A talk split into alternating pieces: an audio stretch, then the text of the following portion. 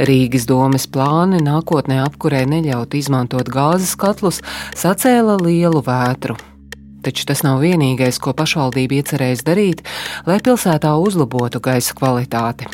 Mēs centrā samazināt auto plūsmu par 20%, nu, mēs visus gandrīz piesārņojumu veidus novestu zem robežas līmeņiem. Gaisa piesārņojums Rīgā atsevišķos gadījumos pārsniedz pieļaujamās normas.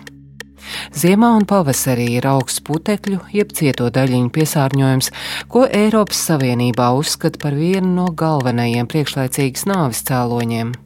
Es viņas ieelpoju, un viņas man lielākoties arī paliek plaušās. Un tad tā krājās, krājās, krājās, kamēr šie kancerogēnie elementi varbūt sasniedz jau tādu nu, robežu slieksni, Mēs elpojam paši savus apkures dūmus. Kas ir galvenie gaisa piesārņojuma avoti Rīgā un vai pašvaldības plāni problēmu risinās? Par to turpmākajā pusstundā stāstīšu es, Indra Sprānce. Pirmā daļa - dati.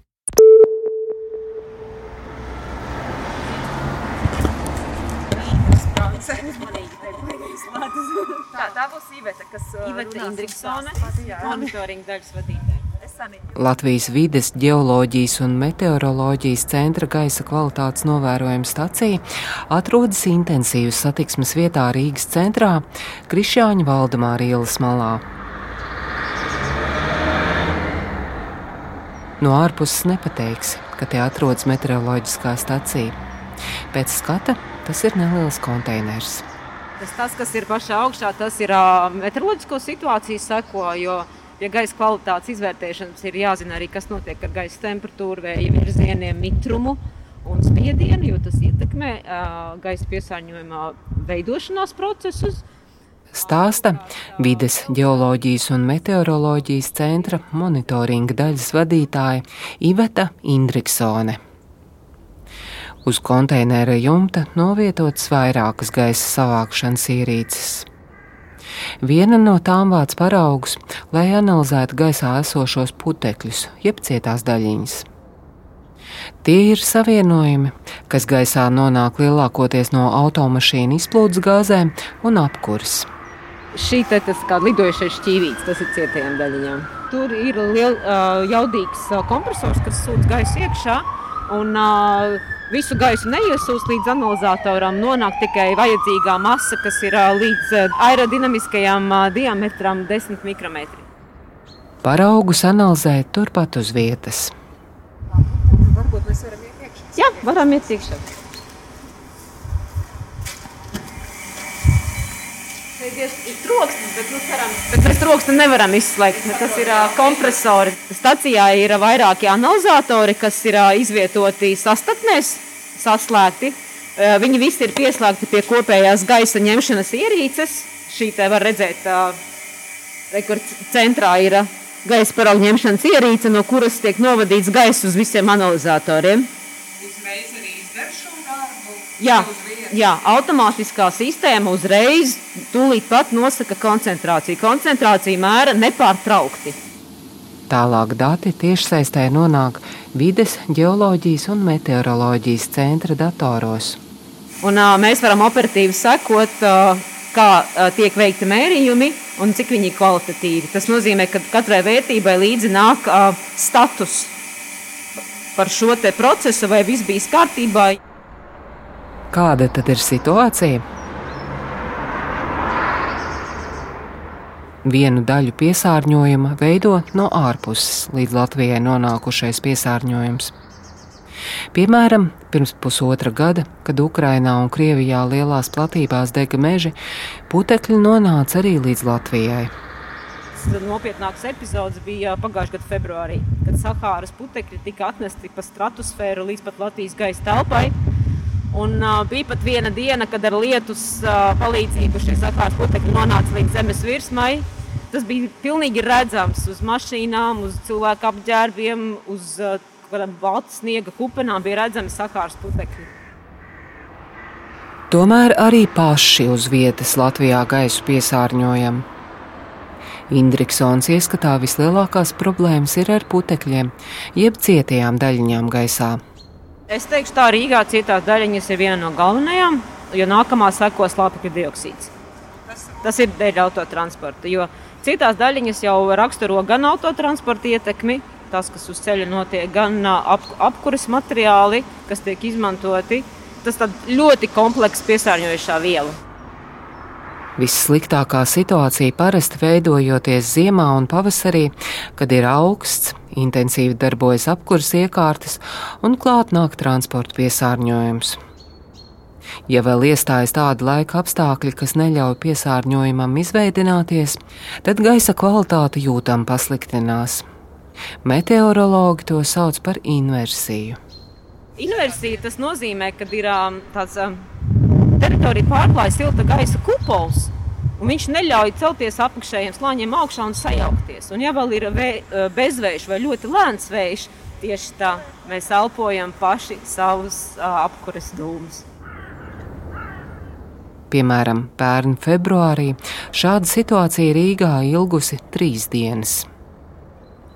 Kopumā gan gaisa kvalitāte Rīgā nesot no tām sliktākajām, salīdzinot ar citām Eiropas lielajām pilsētām.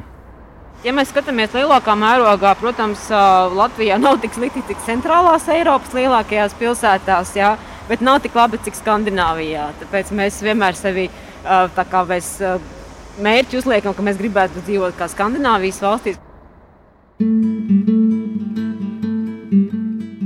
Pirms Rīgas gaisa kvalitātes rīcības programmas apstiprināšanas pašvaldība bija pasūtījusi piesārņojumu novērtējumu. Tas veikts par laiku no 2014. līdz 2019. gadam.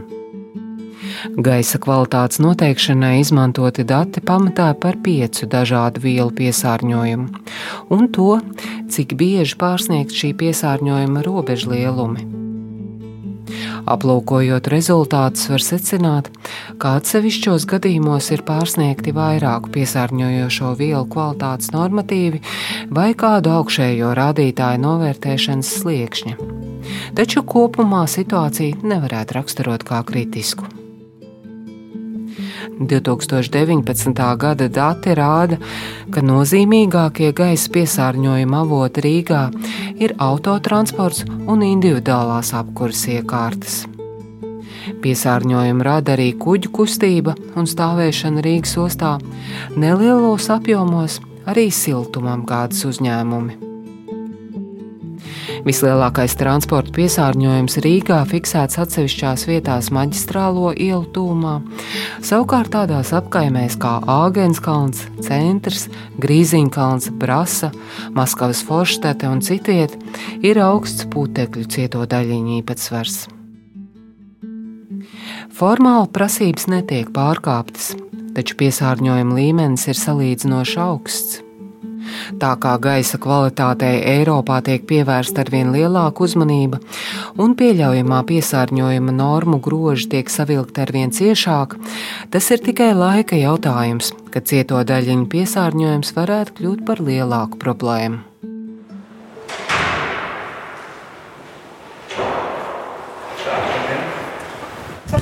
Jā, ļoti atvainojos. Iegribu sarunā par juridiskiem jautājumiem, nepamanīju, ka ir jau desmit. Rīgas domas mājokļu un vides komiteju vada Edmunds Cepurīts no partijas progresīviem. Viņš stāsta, ka Eiropas komisijas darba kārtībā pašlaik ir jauni normatīvi par cietajām daļiņām. Ja izmaiņas pieņems, ļoti lielā daļā Rīgas, piemēram, sīko putekļu daļiņu normatīvi, tiks pārsniegti. Šī ir karte, ko, ko pētnieki vēlēja, nu, kas, kas viņiem ir prasīta, lai viņi pievieno pētījumam. Tas, kas šeit parādās, te ir PM2,5 daļiņas. Un lūk, mums sarkanais ir tas līmenis, kur nevajadzētu pārsniegt. Nu, pēc šī skatoties, izskatās, ka mums viss ir kārtībā. Viss ir labi, jā. Jā. Tas, ko es lūdzu pētniekiem, iekļaut arī pētījuma gala versijā, lai mums nebūtu šī, nu, varbūt tāda viltus drošība, ir arī karte par PM2,5 daļiņām pēc normatīviem, kurus Eiropas komisija šobrīd tikai apspriež. Ja mēs ņemam šo, tad mēs redzam, ka uh, tas Rīgas piesārņojums ir jau jau pārsniegt tos normatīvus. Un tas ir tas, ko es vienmēr mēģinu tajos plānos uzsvērt. Tās robežu novilkšanas, nu, viņas diemžēl vienmēr būs politiskas. Mums vajadzētu atcerēties vienmēr par to, to reālu ietekmi uz veselību, kas jau saglabājas arī tad, ja nu, mēs ja vēl ir kā 10% līdz kāda Eiropas norma pārsniegšanai. Bet kāda tad ir PM daļiņa ietekme uz cilvēku veselību? To lūdzu skaidrot Latvijas Universitātes asociētajai profesorei Ivetai Steinbergai. Cietās daļiņas ir ļoti neviendabīgas savā sastāvā. Parasti tur ir varbūt ogleklis, un uz oglekļa virsmas ļoti labprāt sarbējas dažādi smagie metāli. Tas var būt svins, nu, vēl dažādi smagie metāli. Tie visi ir kancerogēni. Var sakot, ja tās cietās daļiņas ir ļoti sīkas, kā tas ir PM 2,5 gadījumā, es viņas ieelpoju, un viņas man lielākoties arī paliek plaušās. Un tad tā krājās, krājās, krājās, kamēr šie kancerogēnie elementi varbūt sasniedz jau tādu nu, robežu slieksni.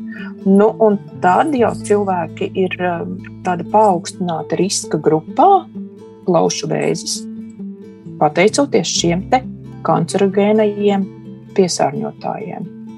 Vai kaut kādi dati uzrāda, nu, piemēram, Latvijā šī ir tāda paaugstināta problēma, ka mēs redzam, jā, ka mums ir vairāk elpošanas orgānu, kaut kādu vēža gadījumu? Nu, ziniet, nu, laikam pirmajā vietā būs smēķēšana, nevis ārtelpu piesārņojums. Nu, tur ir viennozīmīga tā saikne. Iveta Steinberga jau ilgus gadus seko gaisa kvalitātes jautājumiem Latvijā. Viņa mierina, gaisa kvalitātes rādītāji salīdzinoši nav slikti, tomēr situācija varētu būt labāka. Slikta gaisa kvalitāte samazina dzīves ilgumu. Tiek Pasaules veselības organizācijas ikgadējie novērtējumi, kas tiek gatavot gan par katru valsti, gan par pasauli kopumā, Tur ir teikts, ka Latvijā ik gadu priekšlaicīgi nomirst ap 1600 cilvēki. Pateicoties tam, ka ir slikta gaisa kvalitāte. Tas ir ļoti daudz. Ļoti. Ko Rīga ir gatava darīt, lai situāciju uzlabotu?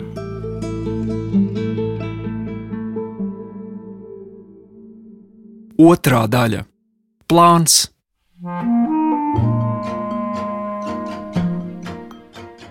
Debates slēdzu un lūdzu balsosim. Par 33 pret 18 atturas 2 lēmumu projekts ir pieņemts. Par spīti asiem opozīcijas iebildumiem un koalīcijā esošās jaunās konservatīvās partijas aicinājumam lēmumu atlikt, Rīgas doma pagājušā gada decembra beigās pieņēma gaisa kvalitātes uzlabošanas programmu. Tā paredz līdz 2025. gadam īstenot plašu pasākumu kopumu. Kādi tad ir šie pasākumi? Satiksmes mierināšana.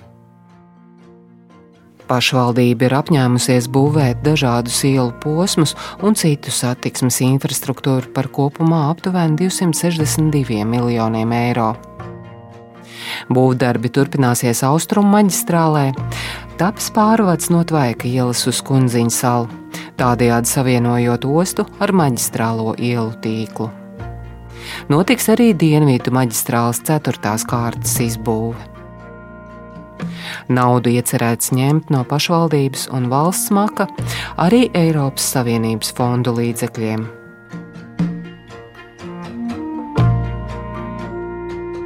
Plānota arī satiksmes mierināšana. Rīgas centrā varētu noteikt teritorijas, kur maksimālais braukšanas ātrums ir 30 km/h. Ierobežojumi būtu arī kravas autotransporta kustībai Rīgas centrā. Pašvaldība arī apņēmusies veidot mobilitātes punktus un stāvparkus. Noteiktas septiņas vietas, kur nākotnē varētu atstāt automašīnas, lai tālāk pārvietotos ar sabiedrisko transportu. Tādi punkti paredzēti Juglā, pie Dienvidu tilta Maskavas ielā, Lucavas salā, Viestura prospektā pie Mangai stacijas un citvieta. Savukārt pilsētas centrā varētu ieviest zemo emisiju zonas, kurās īstenot veselu pasākumu kopumu gaisa piesārņojuma mazināšanai. Turpina mājokļu un vidas komitejas vadītājs Edmunds Cepurītis. Šobrīd, tur, kur tiek pārsniegts pieļaujamās normas, tieši slāpeklim, kas ir galvenais piesārņojuma veids, dzīvo 1322 cilvēki. Nu, protams, tas ir tāds modelēšanas rezultāts ar kādām novīdēm.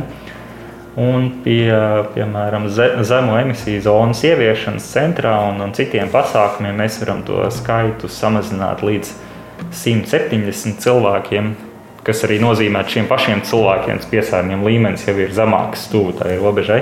Tā kā mēs ar kvalitīviem pasākumiem varam septiņas, astoņas reizes to cilvēku skaitu samazināt, kas atrodas virs piesārņojuma normām, bet vienlaikus ar būtiskiem iegūmiem visiem rīzniekiem. Kādi tieši ierobežojumi būtu zemo emisiju zonās, šobrīd vēl nav zināms. Kā viens no variantiem satiksmes plūsmas mazināšanai pieminēta iebraukšanas maksa privātajam autotransportam. Pilsēta plāno arī attīstīt velosatiksmes infrastruktūru un sabiedrisko transportu, lai cilvēkus mudinātu atteikties no privātā auto. Piemēram, mēs centrā samazinātu auto plūsmu, par 20%, nu, mēs visus gandrīz piesārņojumu veidus novestu zem robežas līmeņiem. Tas ir daudz samāk tie veselības riski. Apkures sistēmu maiņa. Dabasgāzes katla jautājums man visvairāk varbūt nomāca ar to, ka tas aizēno citus, jo tiešām no gaisa kvalitātes Un es teiktu, tomēr arī no tiem pielāgošanās jautājumiem tas nu, nav lielākais un, un, un nozīmīgākais. Plašu rezonanci sabiedrībā izraisījušie Rīgas domas noteikumi, ar kuriem opozīcijas ieskatā pieteikts karš gāzes apkurs katliem, ir viena neliela daļiņa no pašvaldības plānotajiem pasākumiem. Tie tagad iesprūduši vidas aizsardzības un reģionālās attīstības ministrijām. Iebildums skaidro ministrijas vidas aizsardzības departamenta direktore Rudīte Vesere. Mēs uh, konceptuāli atbalstam šos saistošos noteikumus un uh, arī šo vēlmi nodrošināt gan gaisa kvalitāti, gan attiecīgi arī uh, izvirzītos ambiciozos mērķus attiecībā uz klimata pārmaiņām un klimata neutralitāti, ko Rīga ir izvirzījusi kā mērķi kļūt par klimata neitrālu līdz 2030. gadam. Runa ir par to, ka konkrētajos noteikumos mēs nevaram piekrist visam tādā veidā, kā tas ir paredzēts. Noteikuma autori vairākus ministrijas iebildumus uzskata par formāliem, tomēr domnieki ir gatavi piekāpties. Varētu atteikties no lielu brēku sacēlušajiem ierobežojumiem dabas gāzes apkurss katliem. Turpina cepurītis. Ņemot vērā, ka tur ir daudz vērtīgu lietu tajos noteikumos, un šie ir tādi ilgtermiņa punkti par dabas gāzes katliem, mēs visticamāk no tiem atteiksimies, lai mēs varam šos noteikumus ātrāk apstiprināt. Nu, vismaz mēs esam nodevuši to brīdinājumu cilvēkiem, lai neiegulda ilgtermiņa tādas līdzekļus, būtiskas summas dabasgāzes apkurē. Un visticamāk, nu, mēs tad atgriezīsimies ar to nu, viena vai otrā klimata plāniem pie tā, ka dabasgāzes apkurei nākotnes nav. Gaisa kvalitātes uzlabošanas plānā ir iecerēts paplašināt centralizēto siltumapgādi. Pašlaik galvaspilsētā tikai 56% siltumenerģijas rada centralizētā siltuma apgāde, un eksperti ieskatā ir lielas iespējas klientu skaitu paplašināt. Piemēram, pašvaldība vērtēs iespēju samazināt nekustamā īpašuma nodokli, ja ēka no individuālās apkurses pieslēgsies centrālajai. Mājasēmniecībām, kuras nav tehniski un ekonomiski pamatoti pieslēgt centralizētai vai lokālajai siltuma apgādēji, varētu tikt pie finansiāla atbalsta veco, neefektīvo biomasas sadedzināšanas iekārtu nomaiņai. Taču kā galveno instrumentu situācijas uzlabošanai, cepurītis saskata ēku siltināšanu. To pilsētā plānots darīt ar plašu vērienu. Iepriekšējā termiņā ir nedaudz vairāk par simts ēkām Rīgā nosiltināts, tad mēs esam uzlikuši nākamajiem desmit gadiem, varētu teikt, milzīgi mērķi, un daži varētu teikt, nesasniedzami mērķi, noteikti nesasniedzami ar esošiem līdzekļiem, kas ir nosiltināt 2000 sēku. Par finansējumu šim mērķim pašvaldība cīnīsies Eiropas Investīcija bankā. Plānot arī pasākumi apkuras iekārtu radītā piesārņojuma mazināšanai konkrētās Rīgas zonās. Tas nozīmē, tur, kur ir vislielākais piesārņojums, tur ir visstingrākās prasības. Tādā ziņā, ka, ja, piemēram, Rīgas centrā kāds vēlas izveidot jaunu apkuras sistēmu, tad, protams, mēs kā pašvaldība sakām, ka šeit vajadzētu ieguldīt ilgtermiņā tādā sistēmā, nu, kas neradīs tos piesārņojuma riskus. Cepurīts gan mierina. Iedzīvotāji Āgenskalnā, Torņkalnā, Grīziņkalnā un citviet, kur mājas un dzīvokļus apkurina ar vecajām krāsnīm, var neuztraukties. Jaunās prasības attiecinās tikai uz jaunajiem projektiem. Kamēr cilvēkiem nav iespēja ieguldīt jaunā apkurss veidā, šie noteikumi to neietekmē. Un tā, man liekas, ir tā sociāla atbildība, ka mums nevajadzētu prasīt cilvēkiem kādas prasības, tad, kad viņiem nav naudas līdzekļu. Teritorijās, kur tas ir iespējams, nama īpašnieki gan varētu saņemt piedāvājumu pieslēgties pie pašvaldības siltumapgādes sistēmas. Rīgas siltums varētu paņemt to Rīgas ūdens pieredzi pieslēgumiem centrālajai apkurei kur arī tā nu, privāta īpašuma esošā infrastruktūras daļa. Rīgas siltums to izbūvē, un īpašnieki vairākos gados to atpērk. Bet kā vērtēt pašvaldības iecerētos pasākumus? Vai tie patiešām uzlabos gaisa kvalitāti Rīgā? Trešā daļa - eksperimenti un sankcijas.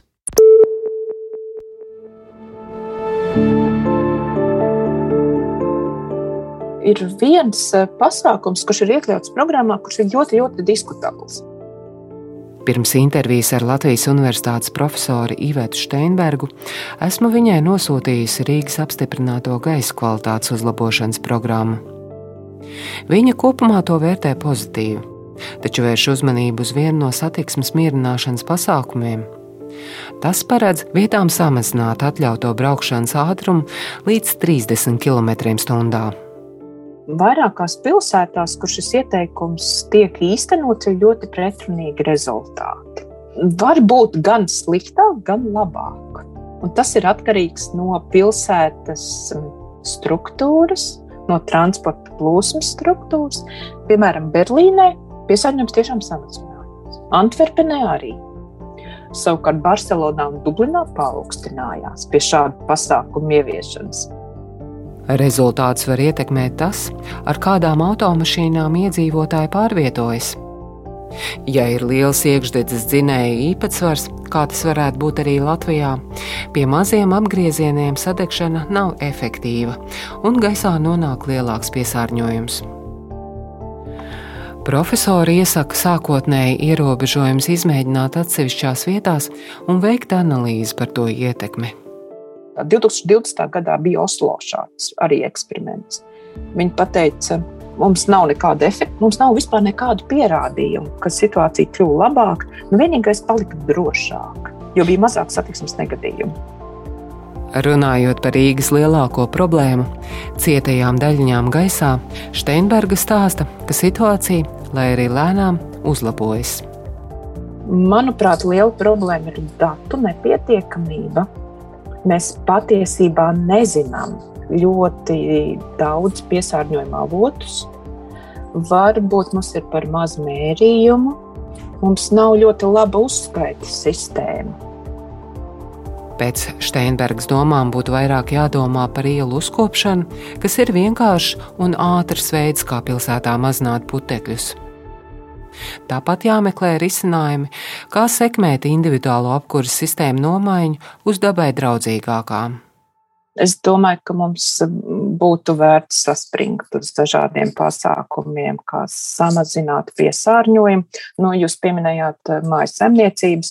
Nu, ar mājas saimniecībām droši vien, ka vajadzētu strādāt ļoti. Nu, ja paskatāmies Latviju, tā arī pašā Eiropas kontekstā, nu, Latvijā nu, nepatīkami izceļas ar to, ka mums ir ārkārtīgi augsts īpatnējais apkuras patēriņš uz apkurināmo nu, laukumu vienību. Mēs tur esam pēdējā vietā.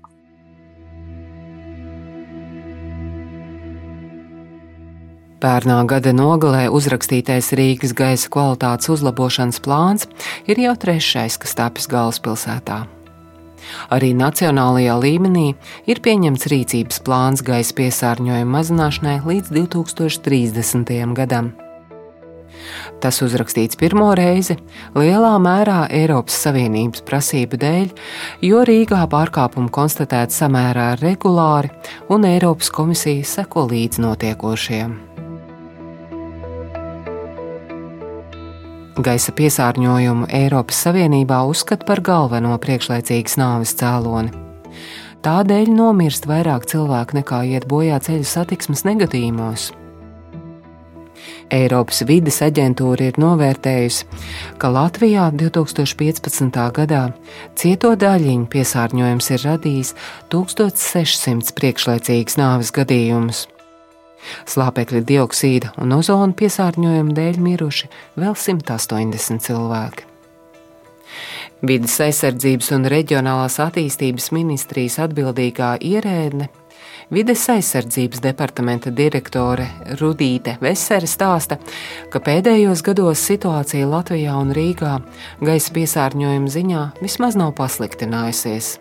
Nu, viņš varbūt strauji neiet mazumā, bet viņš vairs nepieaug un uh, nav šīs tendences vai bažas, ka viņš varētu augt. Jā, protams, skatoties, kā mēs tālāk arī visu attīstīsim. Jo visu laiku ir visiem pasākumiem, ko mēs veicam, ir jāskatās līdzi, kādas var būt sekas. Ja mēs mainām šīs krāsnes, tāpēc, piemēram, arī ir paredzēts, ka būs um, valsts atbalsts no Eiropas Savienības fondiem attiecībā uz privātu mājām, uz privātu apbūvi, uh, mazdzīvokļu mājām. Uh, tieši krāšu nomaiņai, tur, kur tas ir pirmām kārtām vajadzīgs, kur šīs krāsnes ir nokalpojušas, kur viņas neatbilst prasībām, uh, lai arī dzana, attiecīgi šī gadījumā iedzīvotāji izvēlētos tos optimālākos risinājumus, nevis likt varbūt tādu pašu malku krāsu nepārdomāt atpakaļ un neizvērtēt.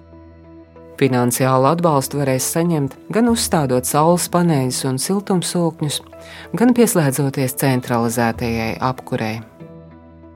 Valdības apstiprinātajā rīcības plānā ir garš saraksts ar uzdevumiem dažādām iestādēm, lai mazinātu gaisa piesārņojumu un arī tā ietekmi uz cilvēku veselību. Bet cik tad reāli ir izpildīt sarakstītos plānus un panākt ievērojams uzlabojums? Turpina Rudīte Vesere. Nu, plāns rakstot, protams, ir veikta modelēšana. Ja? Tā tad tika veikta modelēšana, pie, pieņemot noteikts rādītājs, uz kuru bāzes mēs to veicam. Bet, ja kādā no nozarēm kaut kas sāk bremzēties vai netiek darīts un netiek veidots, nu, tad, protams, mērķi ir jau uzreiz diezgan apdraudēti. Savukārt mērķu nesasniegšana draud ar nepatīkamām sekām ne tikai attiecībā uz to, kādu gaisu mēs elpojam, bet var arī patukšot valsts maku. Ja mēs neizpildām to, kas saistās ar gaisa piesārņojumu mm. un šos mēķu rādītājus, tādā gadījumā Eiropas komisijai ir tiesības uh, rosināt pārkāpumu procedūru pret Latviju. Pirmajā solī tas ir tad, uh, vai nu plāni, ko mēs apņemamies izpildīt, un mēs pierādām, ka ar tiem mēs sasniegsim vajadzīgos rezultātus, vai arī tad jau ir nākamais solis tiesa, ka tiek piespriests soda naudas. Soda nauda apmēru viennozīmīgi nevar pateikt, tāpēc, ka to rēķina gan no IKP, gan no vesela rinda citiem rādītājiem. Katrai valstī viņi būs atšķirīgi. Bet um, otrs aspekts ir tas, ka nebūs tikai tā, ka mēs samaksājam vienu naudas summu, Bet mums būs varbūt būtu lētāk nekā veikt tos pasākumus. Nē, ar to nebeidzās. Tur jau ir tā lieta, ka tā viena summa vēl neko nemaina. Būs jāmaksā vēl arī nokavējuma nauda par katru dienu līdz tam brīdim, kamēr mēs būsim visu novērsuši. Vesera uzskata, ka gaisa piesārņojuma mazināšana nav tikai valsts vai pašvaldību atbildība. Arī sabiedrībai vajadzētu pievērst lielāku uzmanību šiem jautājumiem. Un noteikti gribētu arī aicināt iedzīvotājus pārdomāt to, kādā veidā mēs savus krāsnes eksploatējam un ko mēs tur liekam iekšā, nelikt iekšā to, kas nav paredzēts kurināšanai, nepapildināt vēl vairāk šo gaisa piesārņojumu. Jo tā jau mums tikai liekas, ka viena māja tur vienreiz kaut ko sadedzināja, un tas nekas nav. Bet, ja tādas ir daudz blakus un vairāk kārto atkārto, tad tur jau arī savācās un veidojas tas kopējais rezultāts. Nu, būt pašiem atbildīgiem par savām izvēlēm.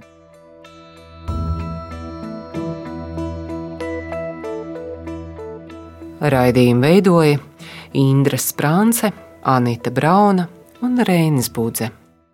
Atvērtie faili!